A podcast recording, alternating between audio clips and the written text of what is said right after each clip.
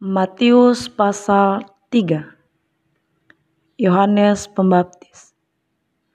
Pada waktu itu tampillah Yohanes Pembaptis di padang gurun Yudea dan memberitakan, Bertobatlah sebab kerajaan sorga sudah dekat. Sesungguhnya dialah yang dimaksud Nabi Yesaya ketika ia berkata, Ada suara orang yang berseru-seru di padang gurun, Persiapkanlah jalan untuk Tuhan luruskanlah jalan baginya. Yohanes memakai jubah bulu unta dan ikat pinggang kulit dan makanannya belalang dan madu hutan. Maka datanglah kepadanya penduduk dari Yerusalem, dari seluruh Yudea dan dari seluruh daerah sekitar Yordan.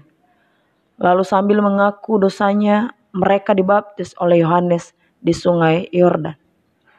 Tetapi waktu ia melihat banyak orang Farisi dan orang Saduki datang untuk dibaptis, berkatalah ia kepada mereka, Hai kamu keturunan ular beludak, siapakah yang mengatakan kepada kamu bahwa kamu dapat melahirkan diri, melarikan diri dari murka yang akan datang? Jadi hasilkan hasilkanlah buah yang sesuai dengan pertobatan. Dan janganlah mengira bahwa kamu dapat berkata dalam hatimu, Abraham adalah bapa kami. Karena aku berkata kepadamu, Allah dapat menjadikan anak-anak bagi Abraham dari batu-batu ini. Kapak sudah tersedia pada akar pohon dan setiap pohon yang tidak menghasilkan buah yang baik pasti ditebang dan dibuang ke dalam api. Aku membaptis kamu dengan air sebagai tanda pertobatan.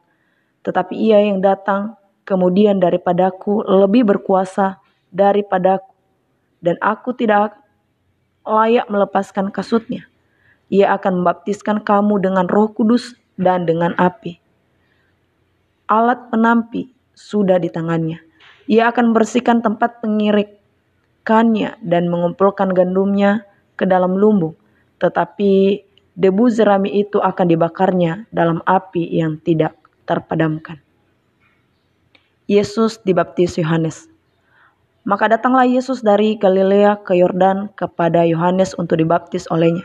Tetapi Yohanes mencegah dia, katanya, Akulah yang perlu dibaptis olehmu, dan engkau yang datang kepadaku.